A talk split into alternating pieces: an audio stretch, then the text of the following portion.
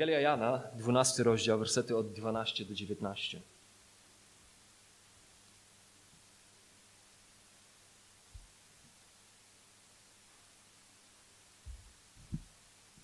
Ewangelia Jana 12, od 12 do 19. Nazajutrz liczna rzesza, która przybyła na święto, usłyszawszy, że Jezus idzie do Jerozolimy, nabrała gałązek palmowych i wyszła na jego spotkanie i wołała Hosanna, błogosławiony, który przychodzi w imieniu pańskim król Izraela. A Jezus, znalazłszy oślę, siadł na nie, jak napisano, nie bój się, córko syjońska, oto król twój przychodzi, siedząc na źrebięciu oślicy. Tego początkowo nie zrozumieli uczniowie jego, lecz gdy Jezus został uwielbiony, wtedy przypomnieli sobie, że to było o nim napisane i że to uczynili dla niego. Świadczyła więc o nim Rzesza, która z nim była, gdy Łazarza wywołał z grobu i wzbudził z martwych. Dlatego lud wyszedł na jego spotkanie, ponieważ usłyszeli, że on dokonał tego cudu. Wtedy mówili faryzeusze między sobą: Widzicie, że nic nie wskuracie, oto cały świat poszedł za nim. Możemy jeszcze werset 23 doczytać. Jezus odpowiedział im, mówiąc: Nadeszła godzina, aby, aby został uwielbiony syn człowieczy.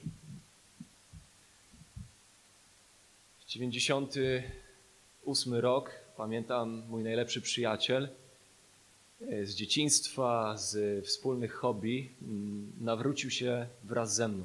Pamiętam szatnie po treningu koszykówki.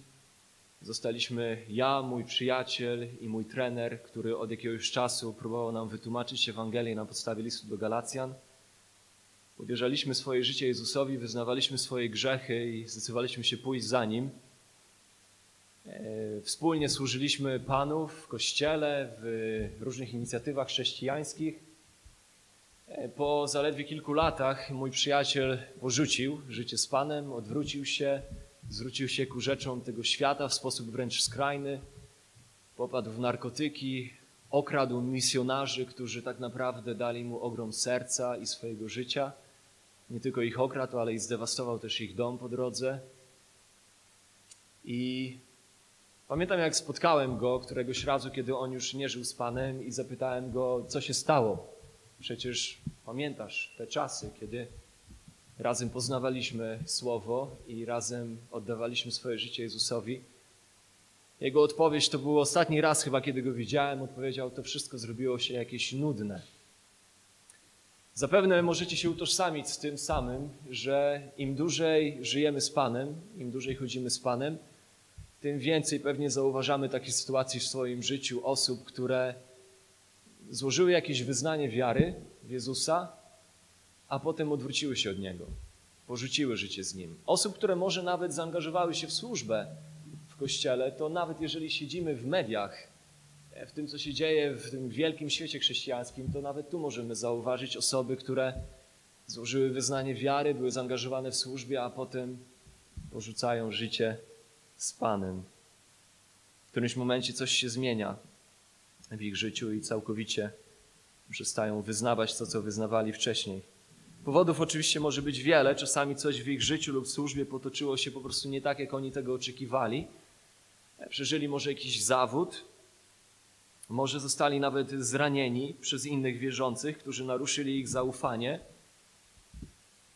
jakieś rozczarowanie przeżyli. Niektórzy może zaczęli mieć wątpliwości i trudne pytania odnośnie Biblii i aspektów wiary chrześcijańskiej. I zamiast karmić się treściami pochodzącymi od apologetów, tych, którzy poświęcili życie ku obronie wiary chrześcijańskiej, to tak naprawdę te wątpliwości te trudne pytania zaczęli karmić treściami pochodzącymi od sceptyków.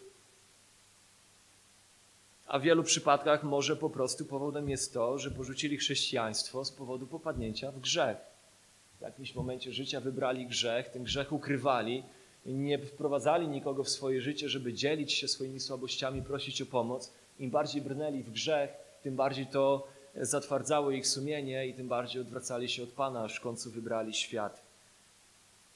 I takie przypadki oczywiście nie powinny nas dziwić, znajdujemy je w Biblii. W Jana 12:4 widzimy Judasza, jednego z dwunastu, który okazał się zdrajcą Jezusa. W dziejach 5, od 1 do 11 widzimy Ananiasza i Safirę, członków pierwszego kościoła, którzy okazali się oszustami. Oczywiście tu można dywagować, czy oni wciąż byli zbawieni, czy nie. W dziejach 8, 9 do 24 pojawia się Szymon Czarnoksiężnik, który składa wyznanie wiary w Chrystusa, jest ochrzczony, lecz potem widzimy, że próbuje wykorzystać moc apostołów dla własnego zysku.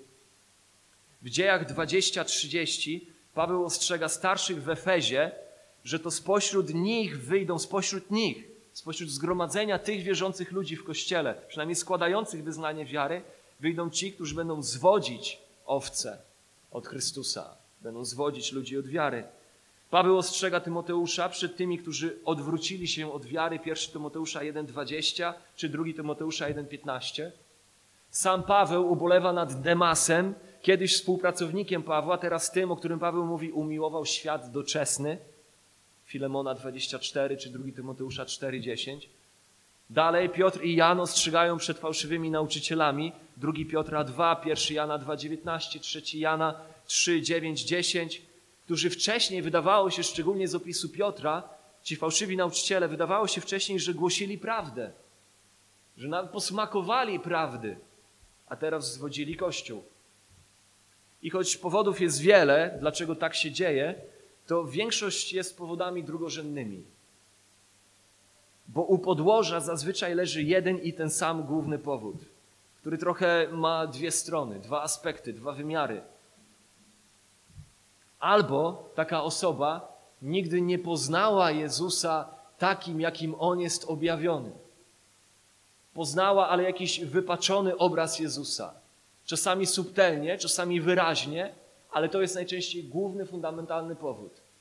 Że dana osoba nie poznała Chrystusa takim, jakim powinna go poznać, czyli takim, jakim objawia go dla nas Pismo, jakim objawia go dla nas Nowy Testament, albo nie uwierzyła w Jezusa w sposób, nie uchwyciła się Jezusa w sposób taki, który jest takim uchwyceniem się, takim uwierzeniem w Niego, które skupia się na tym, kim Biblia objawia, że On jest.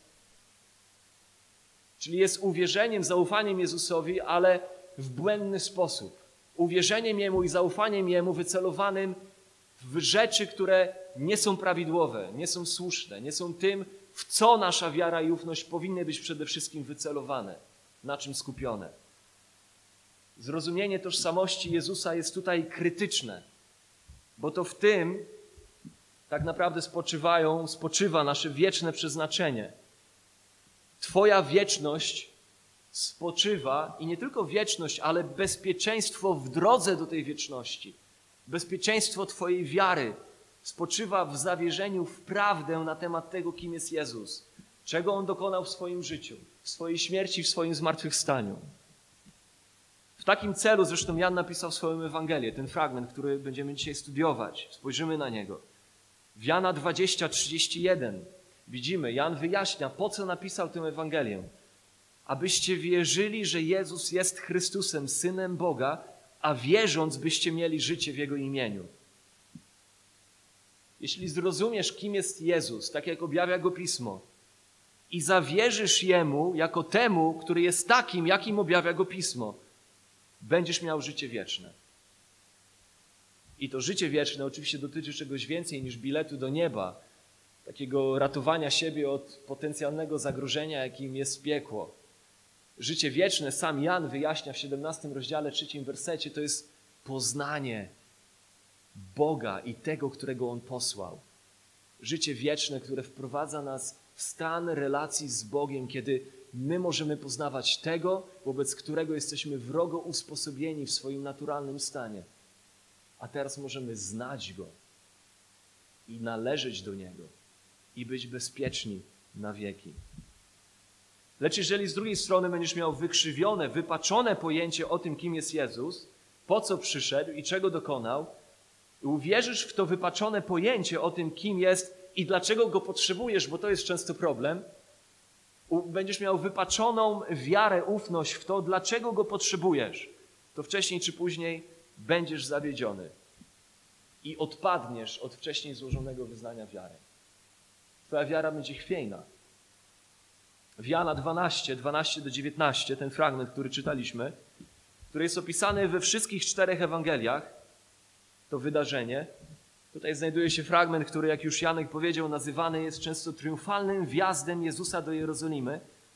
W rzeczywistości to wydarzenie, kiedy spojrzymy na nie z punktu widzenia tego, co tam się dzieje w kontekście, powinno być raczej nazwane tragicznym wjazdem Jezusa do Jerozolimy. Bo właśnie to, to wydarzenie wyzwoliło całą serię wydarzeń. Było takim pchnięciem tego klocka domino do tych wszystkich, które następują po nim. Cała seria wydarzeń, która z kolei doprowadza właśnie do egzekucji Chrystusa. To jest to wydarzenie. To wydarzenie otwiera ten tak zwany Wielki Tydzień, tą ścieżkę do egzekucji Chrystusa.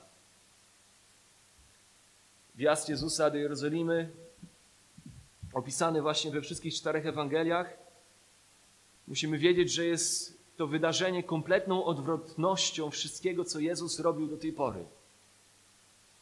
Do tego miejsca, do tego wydarzenia Jezus zazwyczaj hamował publiczne ujawnianie swojej tożsamości jako Mesjasza, jako króla.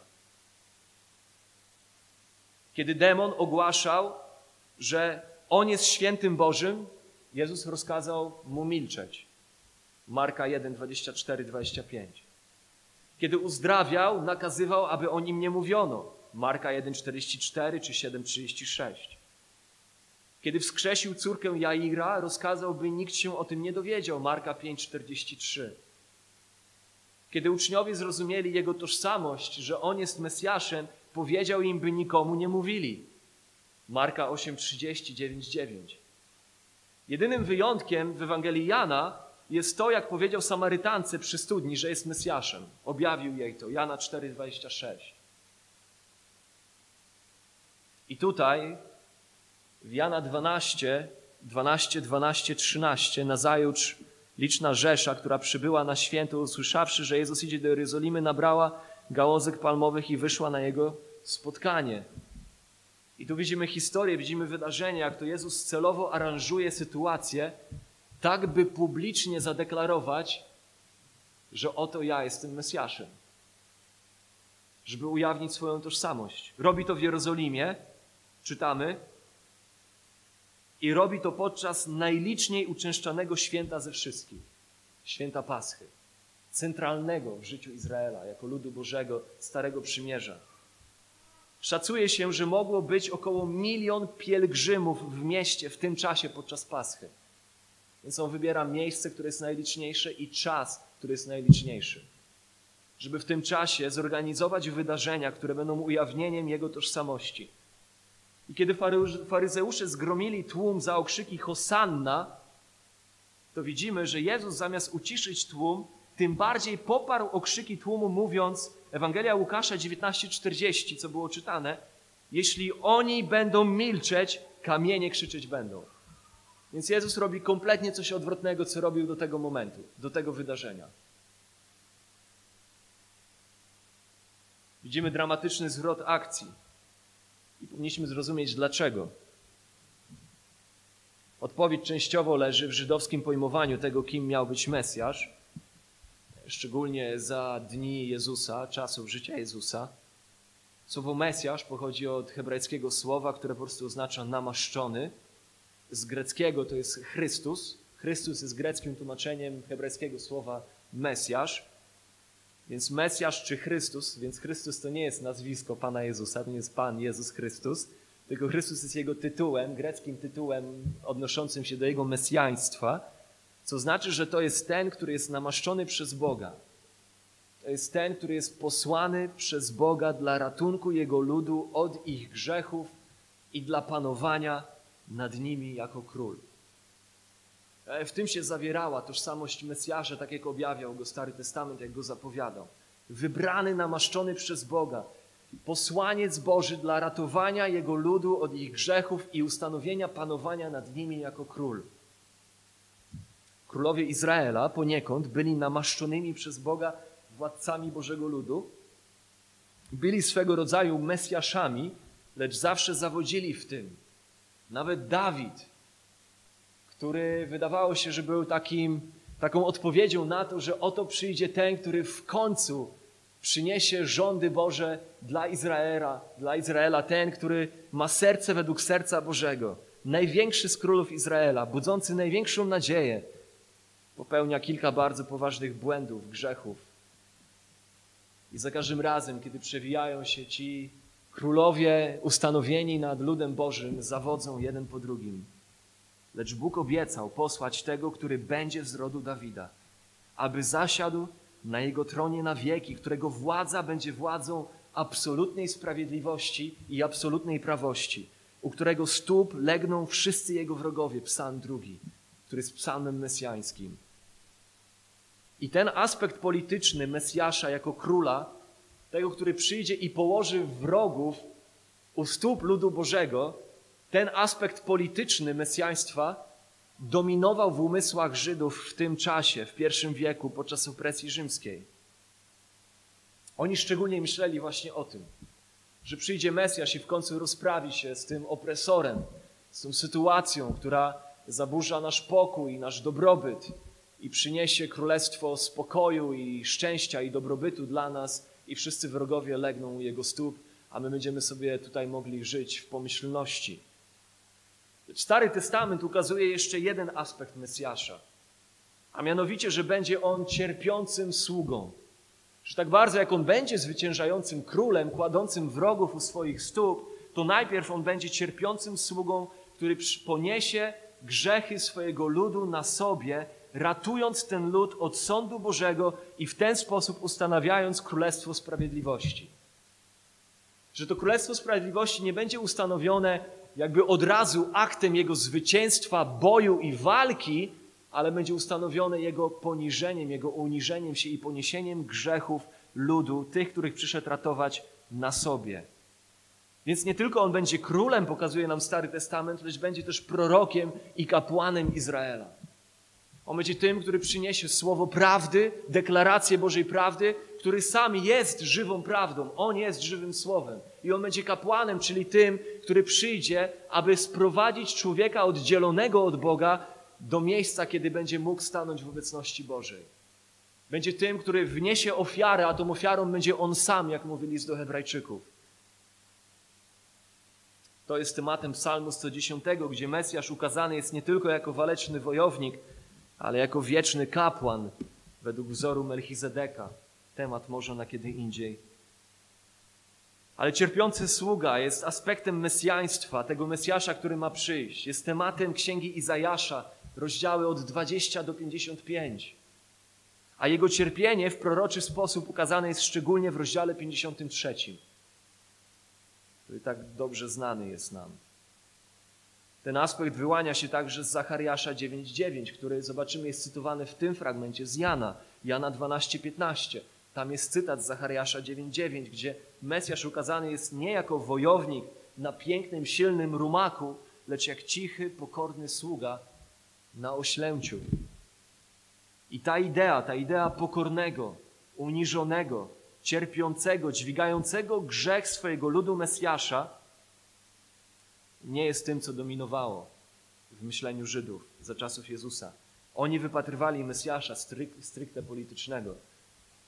I w tym wjeździe Jezusa do Jerozolimy Jezus ogłasza, że jest Mesjaszem Izraela. Lecz nie takim, jakiego oczekiwali. Nie wjechał do Jerozolimy na rydwanie wojennym, lecz na oślęciu. Nie poprowadził ze sobą armii budzących postrach żołnierzy, lecz garstkę prostych mężczyzn, grzeszników, celników, rybaków. Nie wjechał, aby obalić władzę Rzymu, ale aby złożyć swoje życie w ofierze za grzechy swojego ludu i oddać swoje życie w ręce oprawców, żołnierzy rzymskich, władzy Rzymu. I tym publicznym wydarzeniem, tym ogłoszeniem Jezus bezpośrednio sprowokował gniew przywódców żydowskich. Oni chcieli go zabić.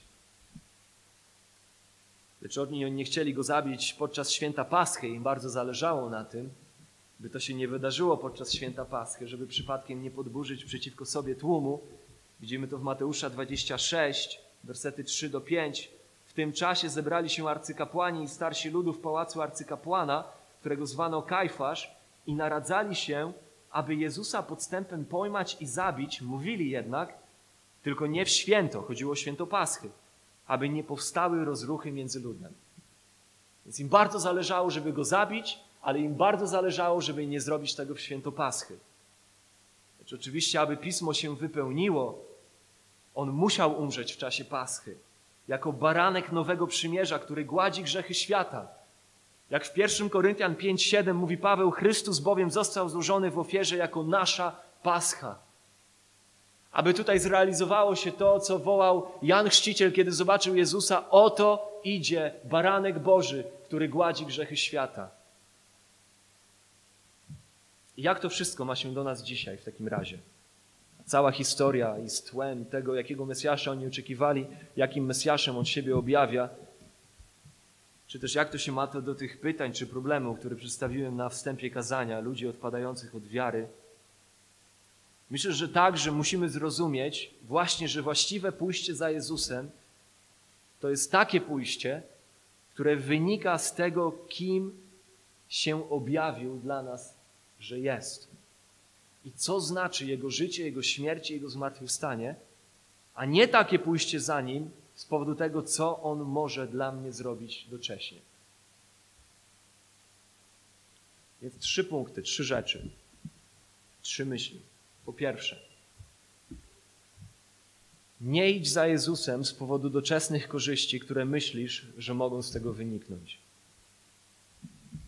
Nie idź za Jezusem z powodu doczesnych korzyści, które myślisz, że mogą z tego wyniknąć. Jan tutaj w tej historii ukazuje nam różne grupy ludzi, które są przy wjeździe do Jerozolimy. Widzimy tam tłum, który przybył do Jerozolimy właśnie na świętą Paschę, zebrali gałązki palmowe.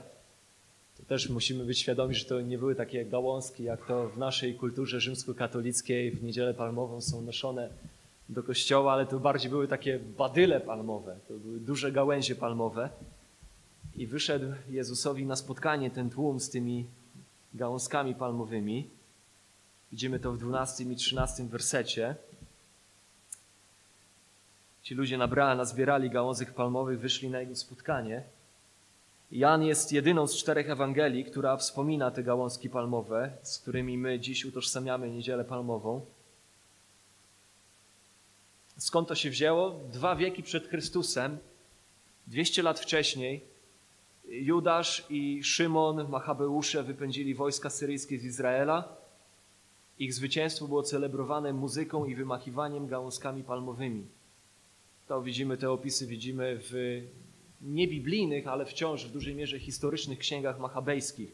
Pierwsza księga machabejska, rozdział 13, werset 51 Widzimy, że potem znowu to ma miejsce podczas poświęcenia odzyskanej świątyni za czasów Machabeuszy, druga machabejska 10.7 i gałązki palmowe od tamtego momentu w kulturze żydowskiej stają się symbolem żydowskiego nacjonalizmu, stają się symbolem zwyciężania nad wrogami, właśnie takiego zwycięstwa politycznego. Tłum w ten sposób tutaj ogłasza swoją nadzieję, kiedy słyszą, że nadchodzi Jezus, wchodzi do Jerozolimy, ogłasza swoją tożsamość, oni widzą w tym okazję, zbierają gałązki, idą triumfować, że oto przychodzi król. Tak jak za czasów Machabeuszy mogliśmy świętować zwycięstwo, tak teraz idzie nowe zwycięstwo. Tym razem już nad Rzymianami. Idzie wyzwolenie spod ręki Rzymu. Ich wołania w trzynastym wersecie Hosanna, błogosławiony, który przychodzi w imieniu pańskim, król Izraela, są cytatem z psalmu 118, wersety 25-26, gdzie Hosanna, słowo Hosanna jest okrzykiem uwielbienia, jest takim okrzykiem uwielbienia, które jednocześnie jest wołaniem Boże zbaw nas, Boże ocal nas. I tutaj ta ostatnia linijka, którą widzimy w Ewangelii Jana. Hosanna, błogosławiony, który przychodzi w imieniu pańskim i teraz przycinek, król Izraela, albo w Grece oraz król Izraela, autor Jan pokazuje nam, że te słowa, kiedybyśmy zobaczyli Psalm 118, ich tam nie ma. Oraz król Izraela. To są słowa, które nie wynikają z cytatu z Starego Testamentu, ale raczej z ich inwencji twórczej, inwencji twórczej tego tłumu. Oni decydują się te słowa tutaj dodać, dorzucić. A zaraz zobaczymy, spojrzymy na to, dlaczego.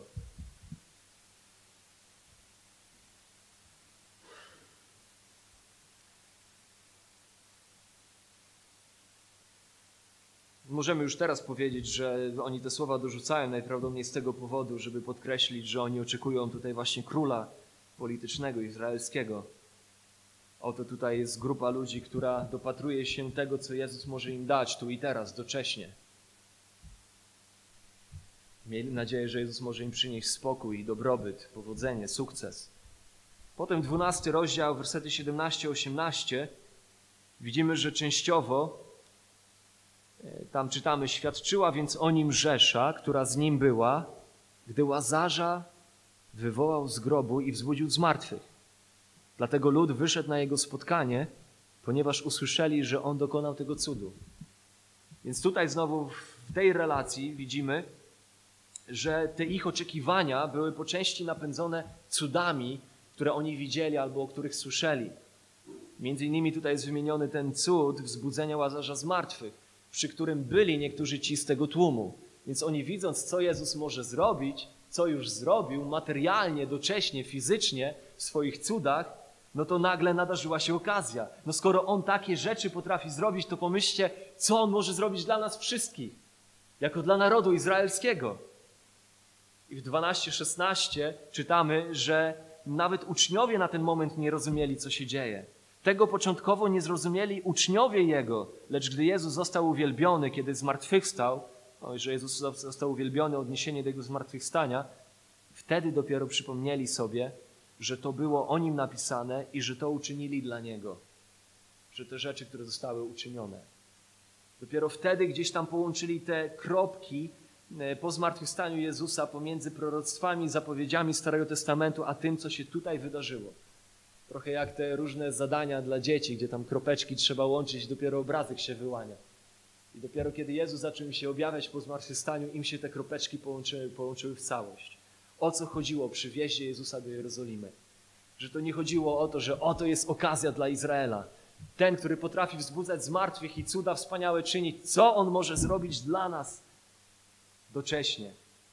Na tę jednak chwilę, tutaj, w tym momencie, wydaje się, że przynajmniej do jakiegoś stopnia nawet sami uczniowie dopatrywali się jakichś doczesnych korzyści w Jezusie, widząc w nim bardziej zbawiciela politycznego. W rezultacie ich wiara była mocno zachwiana, kiedy Jezus został ukrzyżowany. Widzimy to w relacjach wszystkich ewangelistów. Ich wiara okazała się krucha, bo nagle oto ten, który miał przynieść wielką nadzieję, jest tym, który umiera z rąk Rzymu i przywódców żydowskich. Łukasz w Łukasza 19:41 relacjonuje dla nas, że kiedy Jezus dotarł do Jerozolimy, to zapłakał nad nią. Zaraz po relacji tej, która była czytana dzisiaj, wcześniej, relacji wjazdu Jezusa do Jerozolimy, potem od razu mamy relację Jezusa płaczącego nad Jerozolimą. Dlatego tutaj wyłania się obraz bardziej takiego tragicznego wjazdu Jezusa do Jerozolimy, aniżeli triumfalnego. Bo Jezus widzi tych ludzi, którzy wychodzą krzyczeć mu Hosanna, ale tak naprawdę to jest, kiedy on rozumie to, co jest w ich sercu, bo jak pisze Jan chociażby w drugim rozdziale, Jezus wiedział, co jest w sercu człowieka, więc wielu uwierzyło w Jego imię i poszło za Nim, ale on im nie ufał, bo wiedział, co jest w sercu człowieka. On wiedział, co to była za wiara, on wiedział, czego oni się doszukiwali, co ich motywowało. I widzimy w Łukasza, że Jezus płacze nad Jerozolimą, nad Jerozolimą, Jerozolimą. Tłumy zgromadziły się na ulicach, wiwatowały Jezusowi jako oczekiwanemu królowi Izraela, mając nadzieję, że On jest królem politycznym, wyzwoli ich politycznie, militarnie, przyniesie dobrobyt i pokój. Nie interesował ich tak naprawdę Mesjasz, o którym mówili prorocy. Nie interesował ich cierpiący sługa. Nie interesował ich ten, który poniesie grzechy ludu. Nie interesowała ich prawda o tym, że wszyscy jak owce zbłądzili i potrzebny jest ten, który rozwiąże problem grzechu. Nie grzechu Rzymian, którzy są opresorem, ale grzechu ich własnego, który przychodzi ratować swój lud właśnie od tego, od jego grzechu własnego. Nie interesowała ich w ogóle duchowa rzeczywistość królestwa mesjańskiego, Mesjasza, gdzie to on stałby się panem każdej sfery ich życia. Tak więc zaledwie kilka dni okrzyki Hosanna zamieniają się w okrzyki ukrzyżuj go wydaj nam Barabasza. Tłum szedł za Jezusem ze złych powodów, błędnych motywacji. Więc nie idź za Jezusem z powodu doczesnych korzyści, które myślisz, że mogą z tego wyniknąć. Tak też lekcja dla nas jest taka, że tak też i Twoja wiara będzie niestabilna i będzie mocno chwiejna, a nawet będzie zniszczona, a nawet będzie zgubna, jeżeli poszedłeś za Jezusem albo idziesz za Nim z powodu tego, co On może Tobie dać docześnie.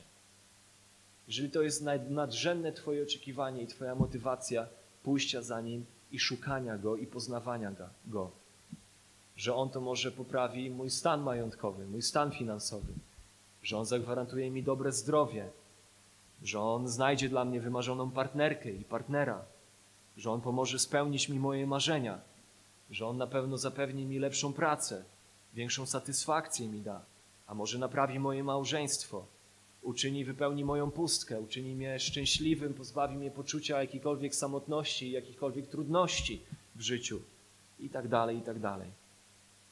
Lecz może się okazać, najprawdopodobniej się okaże, że po zawierzeniu Jezusowi zostaniesz zdiagnozowany, może się okazać, że zostaniesz zdiagnozowany na jakąś chorobę, jakąś trudną, a może nawet śmiertelną, albo dotknie ciebie jakaś ogromna strata finansowa po tym, jak zawierzyłeś Jezusowi, albo twoje małżeństwo wręcz się pogorszy, bo druga strona w tym małżeństwie nabierze wrogości do ciebie za to, że ty teraz chcesz żyć z Jezusem.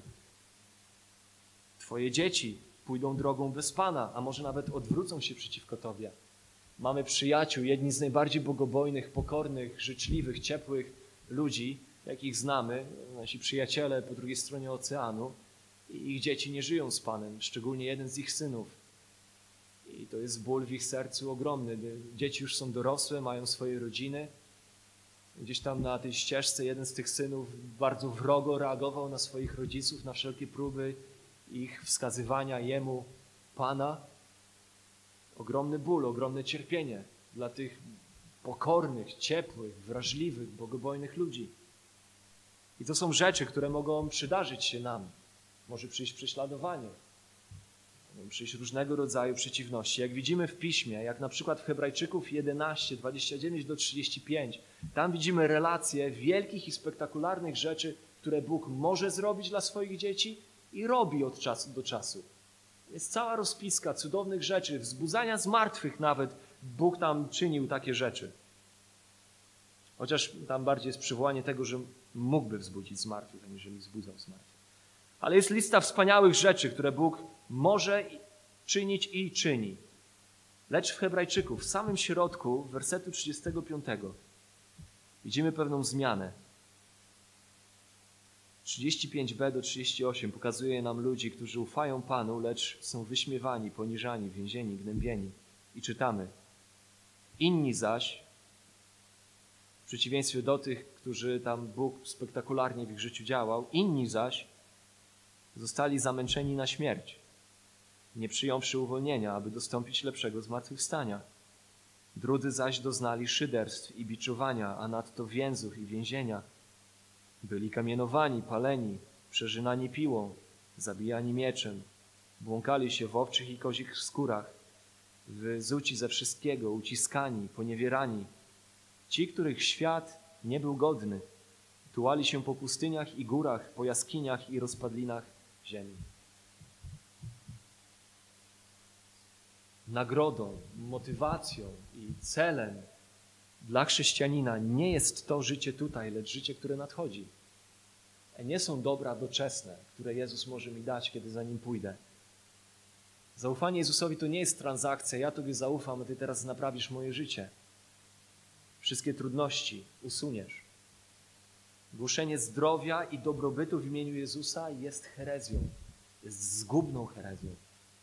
I musimy uważać, bo ogłoszenie dobrobytu i zdrowia nie jest niebezpieczeństwem tylko kościołów e, wiary, tak zwanych kościołów Ewangelii sukcesu.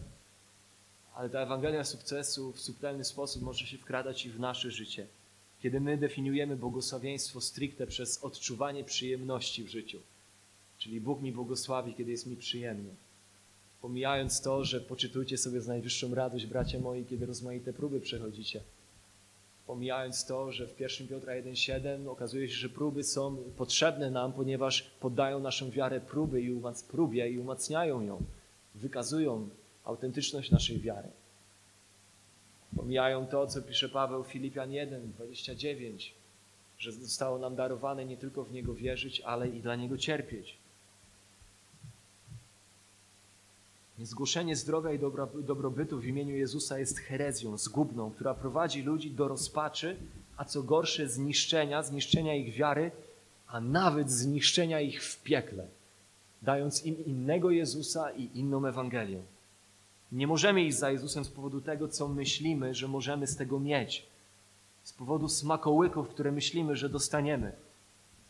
Jakiś, jakiś ważny mamy teraz czas, jakiś ważny to jest czas dla Kościoła, teraz ten czas, by Kościół mógł pokazać, mógł pokazać światu, że życiem dla nas nie jest życie.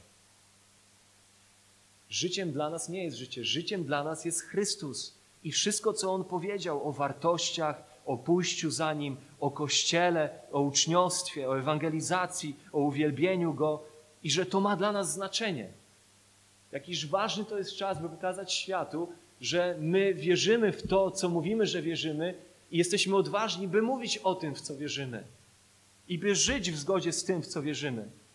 Jakiż ważny to jest czas dla Kościoła, aby Kościół pokazał, że tak bardzo jak robimy, co możemy, by chronić ludzi przed COVID-em, bo troszczymy się o nich, widzimy zagrożenie, to nigdy kosztem tego, do czego jasno Bóg nas powołał w naszym chrześcijańskim życiu. Nie podrzucamy starań, nie wpadamy w jakąś wygodę, wygodnictwo, ale żyjemy szukając wręcz jeszcze bardziej, jeszcze mocniej tego, by być wiernym temu wszystkiemu, co Bóg powiedział, że jest ważne dla nas, którzy poszliśmy za Nim. Jakiż ważny czas to jest, by pokazać światu, że wierzymy właśnie w to wszystko, o czym mówimy. Widzimy tragiczne, zgubne przekonanie w tym świecie, chociażby w cytacie naszego premiera. Jeżeli premier naszego kraju kiedykolwiek w jakiś cudowny sposób będzie słuchał tego kazania, to panie premierze, słowa pana premiera. Święta wielkanocne to święta, które mają nieść nadzieję, radość. I ta nadzieja i radość będzie do Polski wracała na skutek programu szczepień. I tak bardzo jak jest to zrozumiałe w kontekście jakiegoś ograniczania wartości życia do rzeczy fizycznych, materialnych, teraz tutaj doczesnych, tak to nie rząd jest dawcą radości i pokoju i to nie przez moc programu szczepień człowiek nabiera nadziei, która jest mu potrzebna.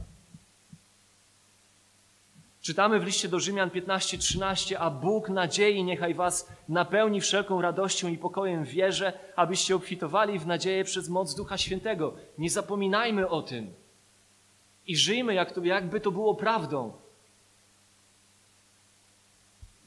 Nie idziemy za Jezusem z powodu doczesnych korzyści, które myślimy, że mogą z tego wyniknąć. Idziemy za Jezusem wpatrzeni w wieczność, która jest nasza, dziedzictwo niezniszczalne, nieskalane i wpatrujemy się w ten czas i w jego cierpienia jako chwilowe i doczesne, mając na uwadze wielkość wiecznej chwały, która jest tych, którzy są w Chrystusie. Dwa. Pójdź za Jezusem z powodu tego, kim jest. Pójdź za Jezusem z powodu tego, kim jest. Jest Mesjaszem Bożym i Królem Królów. Jeżeli Twoja wiara złożona jest w Chrystusie, takim jakim objawia Go Pismo, to ostoi się czy to w cierpieniu, czy w pomyślności.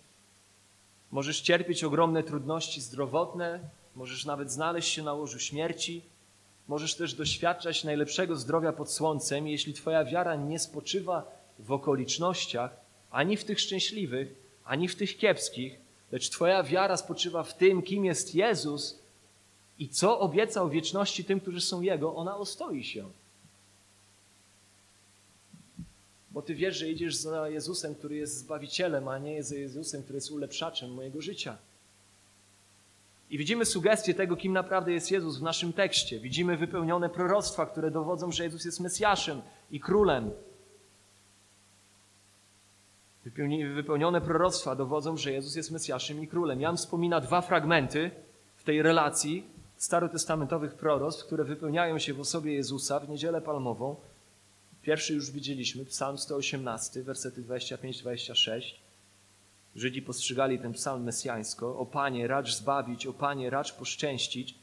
Błogosławiony, który przychodzi w imię Pana, błogosławiony Wam z domu Pańskiego. Chwilę wcześniej ten sam psalm zawiera wiersz, który Jezus cytuje w odniesieniu do siebie w Mateusza 21:42, czyli psalm 118, wersety 22-23, które Jezus cytuje w Mateusza 21:42. Kamień, który odrzucili budowniczowie, stał się kamieniem węgielnym. Przez Pana to się stało i to jest cudowne w oczach naszych. I mówi to o sobie. To ja jestem tym. To ja jestem tym, o którym mówi psalmista. Ja jestem tym kamieniem odrzuconym, a jednocześnie węgielnym. Ja jestem tym Mesjaszem, który przychodzi zbawić. Drugi fragment, który przywołuje Jan, to jest Zachariasza 9:9. Tam czytamy: Wesel się bardzo, córko syjońska, wykrzykuj, córko jerozolimska. Oto twój król przychodzi do ciebie, sprawiedliwy on i zwycięski, łagodny i jedzie na ośle, na oślęciu, źrebięciu oślicy. Widzimy tu w wersecie 15, Ewangelia Jana 12, 15. Kiedy to tłum, kiedy Jan cytuje dla nas Jezus, znalazłszy oślę, wsiadł na nie, jak napisano. Nie bój się, córko syjońska, oto król twój przychodzi, siedząc na źrebięciu oślicy. Widzimy tutaj swego rodzaju skróconą wersję Zachariasza 9.9, ale jest to Zachariasza 9.9. I widzimy tutaj w Jana nie bój się jest zastąpione, y, czy nie bój się zastępuje wesel się.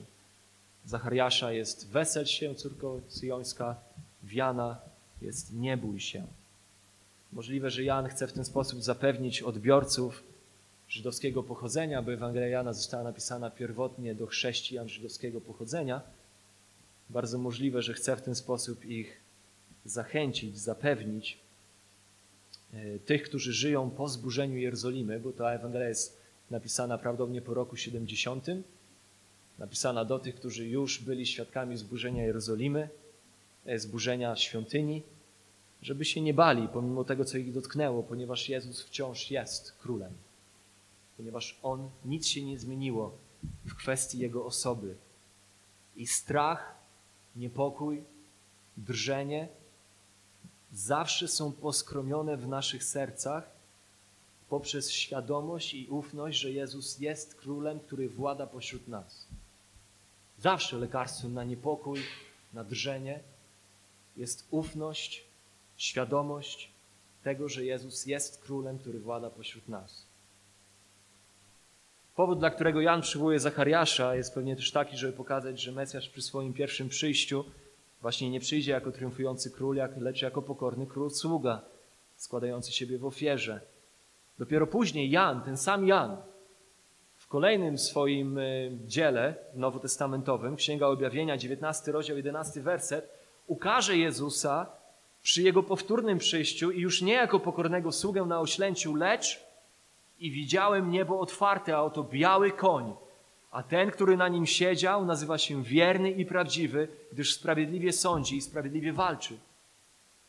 I widzimy ten drugi aspekt tego, kim jest Jezus. Widzimy Jezusa na białym koniu, który przybywa, by sądzić i walczyć. Tutaj przy pierwszym przyjściu, w proroctwach Psalmu 118 i Zachariasza 9 widzimy jednak Jego tożsamość ujawniającą się w Jego pierwszym przyjściu, jako Mesjasza cierpiącego, uniżającego się, który przybywa zbawić. Zanim przyjdzie sądzić, najpierw przychodzi zbawić. Ponieważ to jest nadrzędny powód, dla którego ja i Ty potrzebujemy Go jako Zbawiciela z powodu naszych grzechów. Nie tylko proroctwa ukazują, dowodzą, kim jest Jezus w tym fragmencie, ale Jego dzieła dowodzą, że jest Mesjaszem Bożym i Królem. Jego dzieła. I chociaż Jan nie wspomina, że nikt do tej pory nie jechał na tym oślęciu, na którego on wsiadł, to jednak samo to już było cudem. Inni ewangeliści wspominają to, że to było ośle, na którym jeszcze nikt nie siedział. I samo to już było cudem swego rodzaju, bo ja nie sprawdzałem, ale czytałem, że wystarczy spróbować wsiąść, usiąść na oślęciu, na którym nikt wcześniej nie jechał, żeby się przekonać, że to jest cud, żeby na nim spokojnie jechać. Jan jednak wspomina inny cud, który już zauważyliśmy. Wspomina wskrzeszenie Łazarza w 12:17. I w całej swojej Ewangelii Jan opisuje w ogóle siedem znaków, siedem cudów, których dokonał Jezus przed swoim zmartwychwstaniem i jeden cud po jego zmartwychwstaniu. I robi to po to, jak sam pisze w 20:31, że te są spisane, abyście wierzyli, że Jezus jest Chrystusem, Synem Bożym i abyście wierząc mieli żywot w imieniu Jego. Innymi słowy, te cuda Jan ujawnia w swojej Ewangelii, żeby poprzez te cuda ujawnić nam tożsamość Jezusa. To też bardzo ważne przesłanie dla tych wszystkich kościołów, które głoszą, że cuda Jezusa są na nas zapisane po to, żebyśmy my mogli dzisiaj deklarować, że będziemy te same cuda dokonywać, których On dokonywał. Cuda Jezusa były po to, by ujawnić Jego tożsamość, a nie po to, by nas nauczyć, że my będziemy te same rzeczy robić, co On. One są uwierzytelnieniem Jego tożsamości, potwierdzeniem Jego mesjaństwa, Jego boskości. Więc dzieła Jezusa dowodzą, że jest Mesjaszem Bożym i Królem. I kontrola Jezusa nad okolicznościami Jego życia dowodzi, że jest Mesjaszem i Królem. Jego kontrola nad tą całą sytuacją dowodzi tego, kim On jest. Jan w swojej Ewangelii nie skupia się aż tak mocno na tym, że to Jezus intencjonalnie przygotował to ośle do tego, żeby zostało do niego przyprowadzone, żeby on na nim wjechał do Jerozolimy. W pozostałych Ewangeliach wyraźnie autorzy skupiają się na tym aspekcie, jak to Jezus przygotowuje, to wszystko było przez Niego przygotowane, że to Jezus miał kontrolę nad tą całą sytuacją, nad swoimi okolicznościami. To On sprawiał wszystko tak, by realizował się suwerenny harmonogram Jego Ojca w kontekście odwiecznego planu zbawienia tych, których w wieczności umiłował. Od Jana 5, 5 rozdziału Ewangelii Jana, widzimy, że opozycja Jezusa zaczyna narastać. I podjętych jest kilka prób, by go zgładzić, lecz za każdym razem Jezus wychodzi bez szwanku, bo nie nadeszła jeszcze jego godzina. Po tym, jak Jezus twierdzi, że jest Bogiem, w Jana 8, Żydzi nazbierali kamieni, aby go ukamienować. Lecz Jezus odszedł spośród nich nietknięty. Znów w Jana 10 liderzy żydowscy oskarżają Jezusa o bluźnierstwo i próbują ponownie go ukamienować, bo głosi, że on i ojciec są jedno. I znowu czytamy, lecz uszedł ich ręki. 10.39. Po tym, jak wzbudził Łazarza z martwych, przełożeni żydowscy wzmogli swoje starania, by go zabić. Jana 11.53. Lecz Jezus odszedł, ponieważ jego czas jeszcze nie nadszedł. Teraz jednak, sześć dni przed Paschą, Jezus wiedział, że jego godzina nadeszła. Jego godzina nadeszła, żeby złożyć siebie w ofierze jako baranka Bożego. Widzimy to w 23 wersecie. Jezus odpowiedział, mówiąc: Nadeszła godzina, aby został uwielbiony Syn Człowieczy. I od tego momentu Jezus celowo, będąc suwerennym Panem stworzenia, zmienia strategię swojej służby, otwarcie przedstawia siebie jako Mesjasza, mimo że wiedział, że to, jak tłum rozumiał Mesjasza, było mylne i w swojej kontroli, władzy, suwerenności sprawia, że Żydzi zabijają go wbrew ich własnym planom. Ci, którzy byli uważani za potężnych i wpływowych, mieli swoje plany.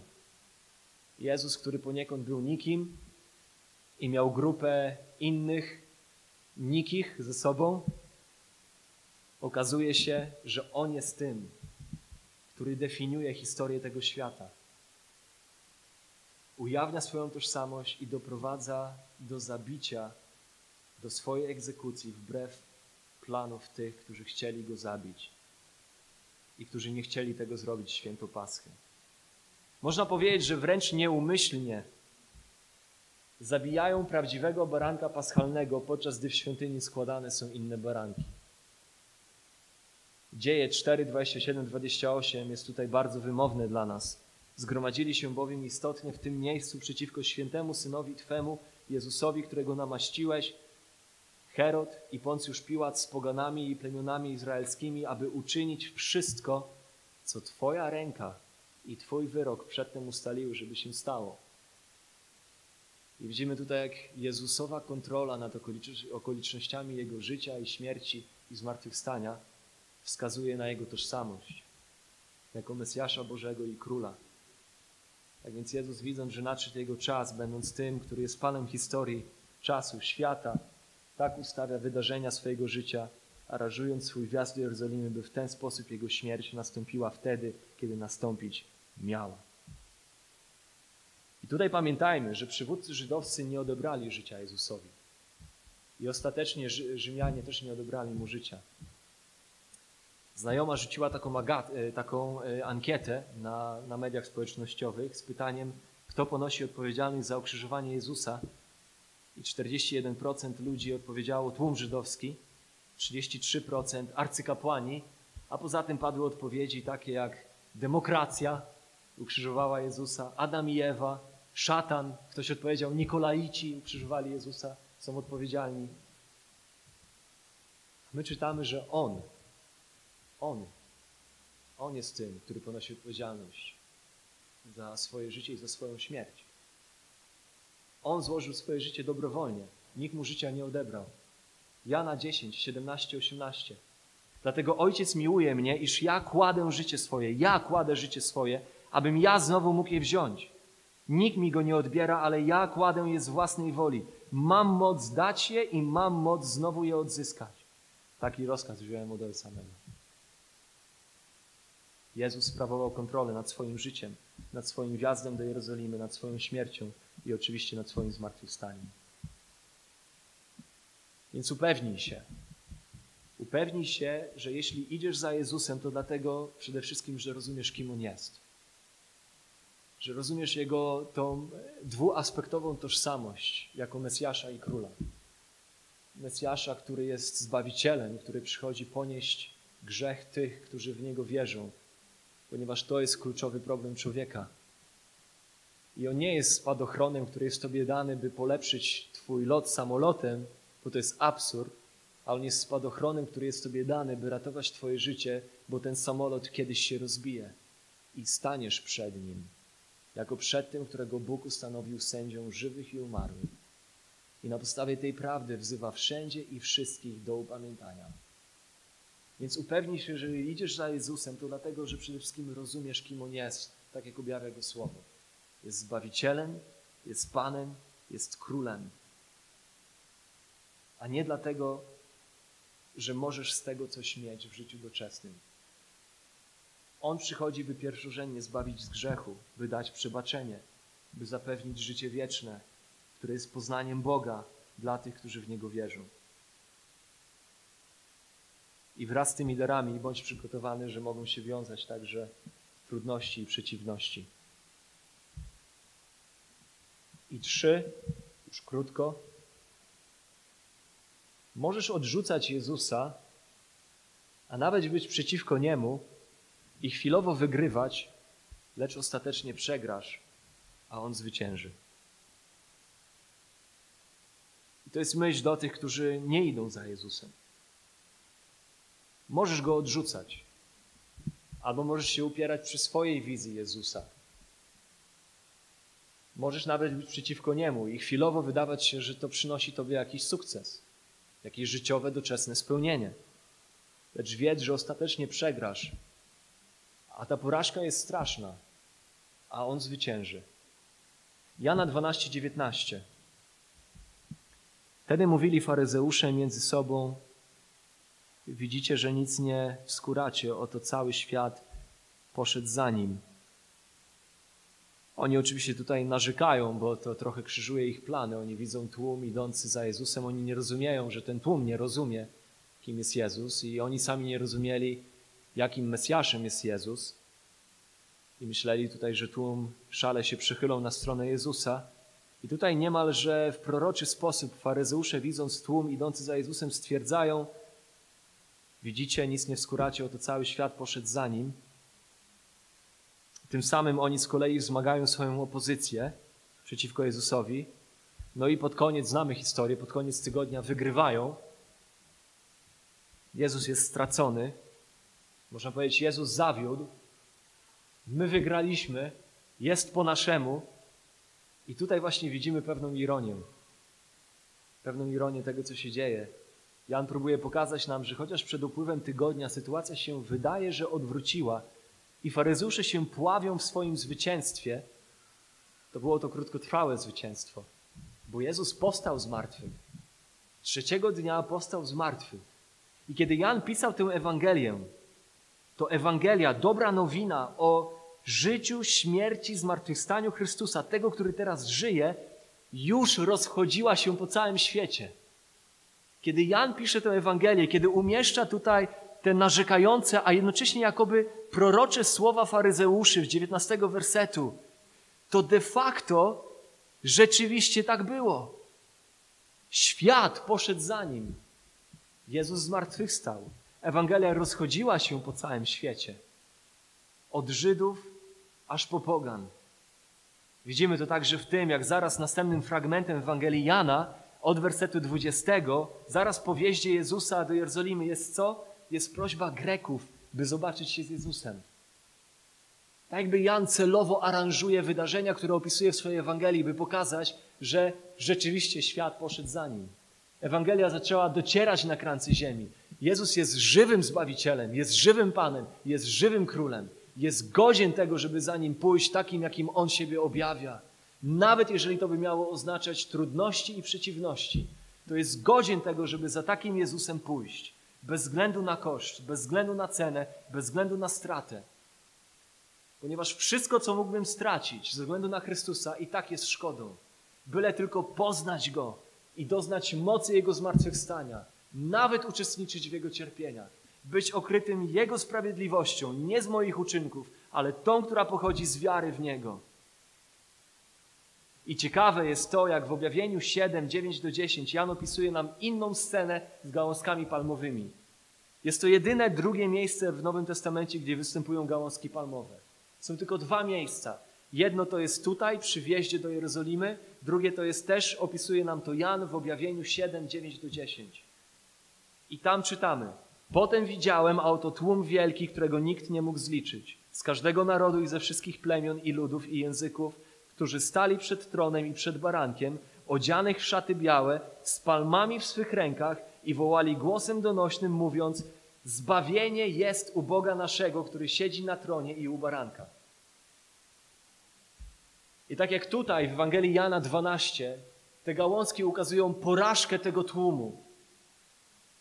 Tak tutaj w objawieniu gałązki w rękach tych, którzy poszli za takim Jezusem, jaki jest objawiony i uwierzyli w takiego Jezusa, jaki jest objawiony i będąc motywowanymi tym, że On jest moim Zbawicielem przede wszystkim, który jest godzien tego, by za Nim pójść, wyznawać Mu swoje grzechy i być pojednanym z Bogiem przez Niego, oto ten tłum stoi przed Jego tronem i widzimy zwycięstwo baranka.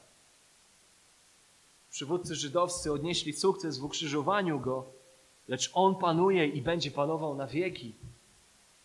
Czytamy, że Bóg obdarzył Go imieniem ponad wszelkie imię, aby zgięło się przed Nim każde kolano i każdy język wyznał, że Jezus jest Panem.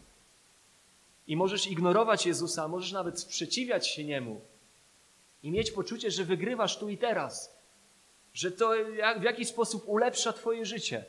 Lecz wiedz, że Jezus jest ustanowionym, zwyciężającym i triumfującym Panem i Królem i sędzią i któregoś dnia staniesz przed Nim. I nie będzie miało znaczenia to, czy w to wierzysz, czy nie. Twoje kolano zegnie się, a Twój język wyzna, że Jezus jest Panem. Lecz wtedy będzie to dla Twojej zguby, a nie dla Twojego zbawienia. Teraz jednak jest czas łaski. Teraz wzywa wszędzie wszystkich do upamiętania. Teraz jednak dla tych, którzy są w Chrystusie, nie ma i nie będzie żadnego potępienia, mówi Paweł w Rzymian 8.1. Bo On jest barankiem Bożym, który gładzi grzechy tych, którzy są Jego. Przyjdź do Niego. Przyjdź do Niego. Dlaczego więc idziesz za Jezusem? Dlaczego miałbyś pójść za Nim? Właściwym i głównym powodem musi być to, kim On jest, tak jak objawia Go Pismo. To, że zmarł w zastępstwie za grzechy tych, którzy w Niego wierzą. Że powstał z martwych i wróci w chwale, aby ustanowić swoje królestwo na wieki. Tak więc czymkolwiek byś się dzisiaj zmagał, przeciwności, niepokoje, słabości, prześladowania, ubóstwo, problemy zdrowotne czy nawet śmierć, On Ciebie przeniesie przez te wszystkie wyzwania. Jak śpiewamy w jednej z pieśni, którą czasami śpiewamy tutaj. On zachowa Cię. On zachowa Cię. Zachowa Cię dla wieczności z sobą. Jeśli Twoja wiara w Niego jest wiarą w tego, który jest Panem, Zbawicielem i Królem. Amen.